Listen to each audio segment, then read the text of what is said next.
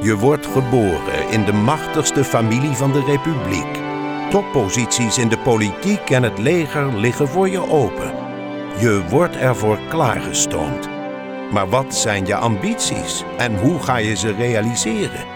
Het is de tijd van de oorlogen tegen Spanje, tegen Engeland, tegen Frankrijk. En dit is het verhaal van Willem van Oranje, Maurits, Frederik Hendrik, Willem II, Willem III en Johan Willem Frieso. En de keuzes die zij maakten tussen hun dynastie en het landsbelang. Dit zijn de Oranjes. Aflevering 8. Frederik Hendrik, de paleizenbouwer.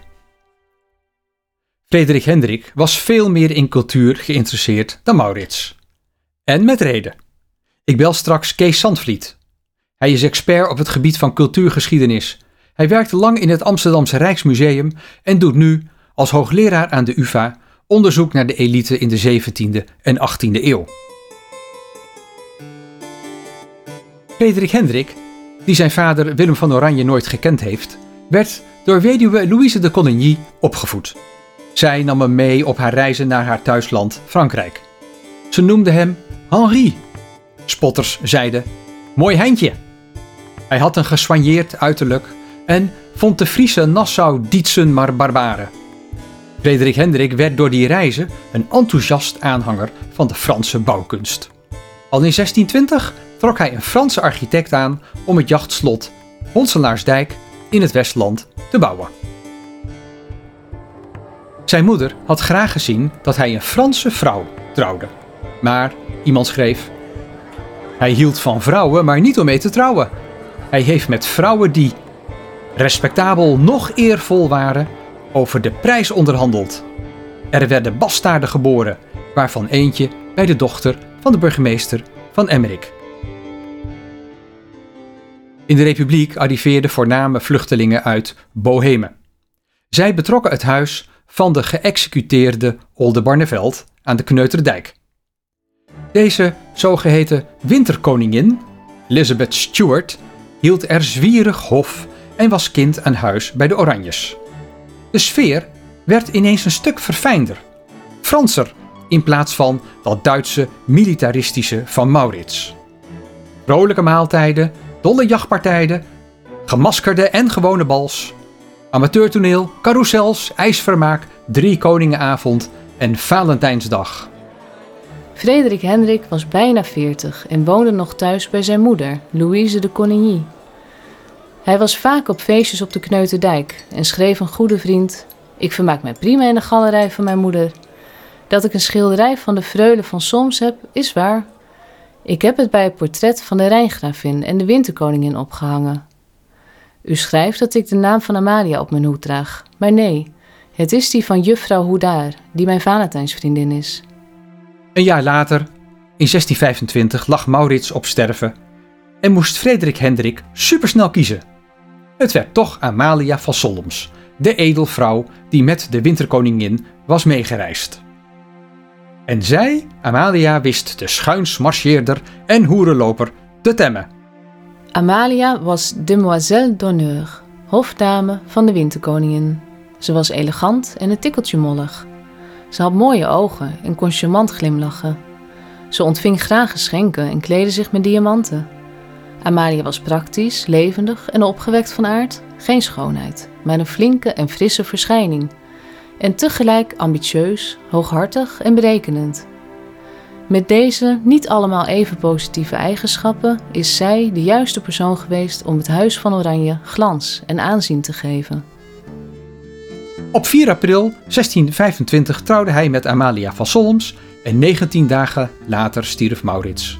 De dynastie was gered. In verband met dit huwelijk onderging het stadhouderlijk kwartier op het Binnenhof een ingrijpende renovatie. Henri gedroeg zich voortaan voorbeeldig en hun huwelijk was goed. Zij kerkten in de Franstalige kapel op het Binnenhof. Frederik Hendrik bleek naast stedendwinger een behoedzame politicus. Een voorbeeld? Hij was qua godsdienst en kerk zo liberaal dat sommigen meenden dat hij rooms-katholiek was. Ineens vrezen er in de Republiek paleizen. De republiek was het land van de boer, de koopman en de dominee. Geen Frankrijk, Engeland of Spanje met machtige koningen die hun macht via paleizen en hoven etaleerden. In 1630 werd begonnen met de bouw van het Huis ter Nieuwburg bij Rijswijk en werd het oude hof aan het noordeinde verbouwd. Het hoogtepunt vormde het Huis ten Bos, dat in het Haagse bos verrees. Nieuw was dat prins en prinses elk de beschikking kregen over een eigen appartement in hun paleizen. Waar Willem van Oranje en Maurits nog met excellentie werden aangesproken, heette Frederik Hendrik Son Altesse, zijne hoogheid. Maurits had over zijn graf geregeerd.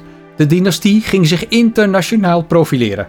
Zorgvuldig werden de kinderen van Frederik Hendrik en Amalia uitgehuwelijkt om de Oranje-dynastie in Europa te positioneren.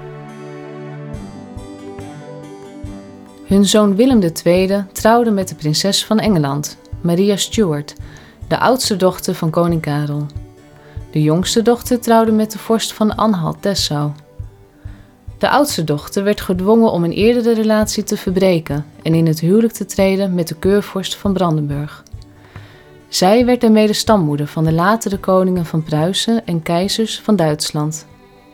De middelste dochter huwde de Friese stadhouder Willem Frederik van Nassau-Dietz. Van dit echtpaar stamt onze huidige koninklijke familie in rechte lijn af. Het echtpaar werd geroemd door Vondel, Hoofd en Huygens.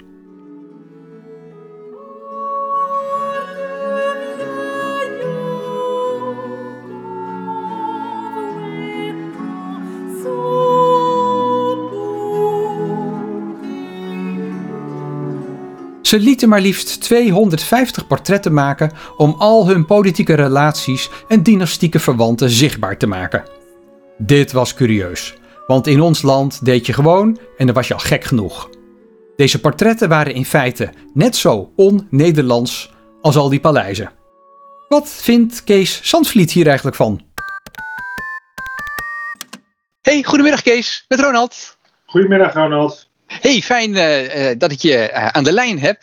Jij bent natuurlijk heel goed thuis in de cultuur van de Gouden Eeuw. En nou ja, ik ben druk bezig met de Oranjes. kun jij vanuit de cultuur en, en de geschiedenis van de Gouden Eeuw zeggen... kun je die Oranjes daar ook aan linken? Jazeker. De, kijk, de Oranjes kun je natuurlijk in de eerste plaats militair niet wegdenken in de Gouden Eeuw. maar daarnaast is hun, ja, hun, ehm, hun relatie met, met, met Frankrijk hun gerichtheid daarop uh, mede bepalend geweest voor, voor de cultuur uh, in, de, in de Republiek. het klassicisme wat zij hier toch voor een belangrijk deel introduceren.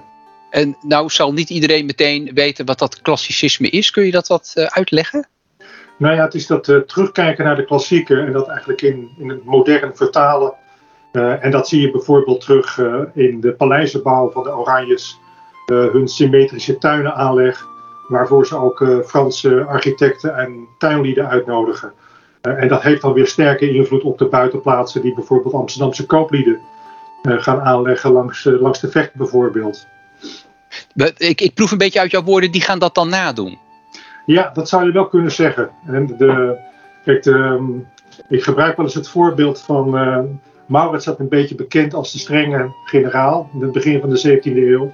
En Frederik Hendrik wat meer die kleurrijke figuur daarna. Uh, en dat zie je eigenlijk een beetje terug bij uh, Amsterdamse kooplieden. Uh, Reinier Pauw, dat is een, een iemand die eigenlijk naast Maurits staat. Dus een strenge Calvinist. Maar zijn zoon Adriaan Pauw, die lijkt eigenlijk heel erg op Frederik Hendrik. Die koopt het huis van de Heemstede, gaat daar een prachtige tuin aanleggen. nou, die gaat zich dus eigenlijk gedragen als een pseudo-adellijke regent. Nou, um, is het mij wel eens opgevallen dat Frederik Hendrik echt zich oriënteert op Frankrijk. Is dat toeval? Nou, dat denk ik niet. Je kunt je natuurlijk oriënteren op Frankrijk of op Italië bijvoorbeeld als het gaat om het ja, herbeleven van de klassieken. Bij Frederik Hendrik, die dus ook prins van Orange is, uh, ligt Frankrijk eigenlijk meer voor de hand, omdat Frankrijk heeft een sterke dynastie. Frederik Hendrik wil in feite een, eh, een monarchie, een dynastie vestigen. Uh, en dan ligt eigenlijk kopieergedrag van, van het Franse vorstenhuis en wat daaromheen zit meer voor de hand. Oh, geweldig. Dus, de, dus de, de, de, de, zoon Pauw uh, imiteert Frederik Hendrik. Frederik Hendrik imiteert weer een beetje Frankrijk, zou je bijna zeggen. Ja, dat kun je wel zeggen. Aan de andere kant zie je bij de Amsterdamse kooplieden, regenten, dat zij zich ook wel richten op Frankrijk, maar toch eigenlijk net iets meer op Italië.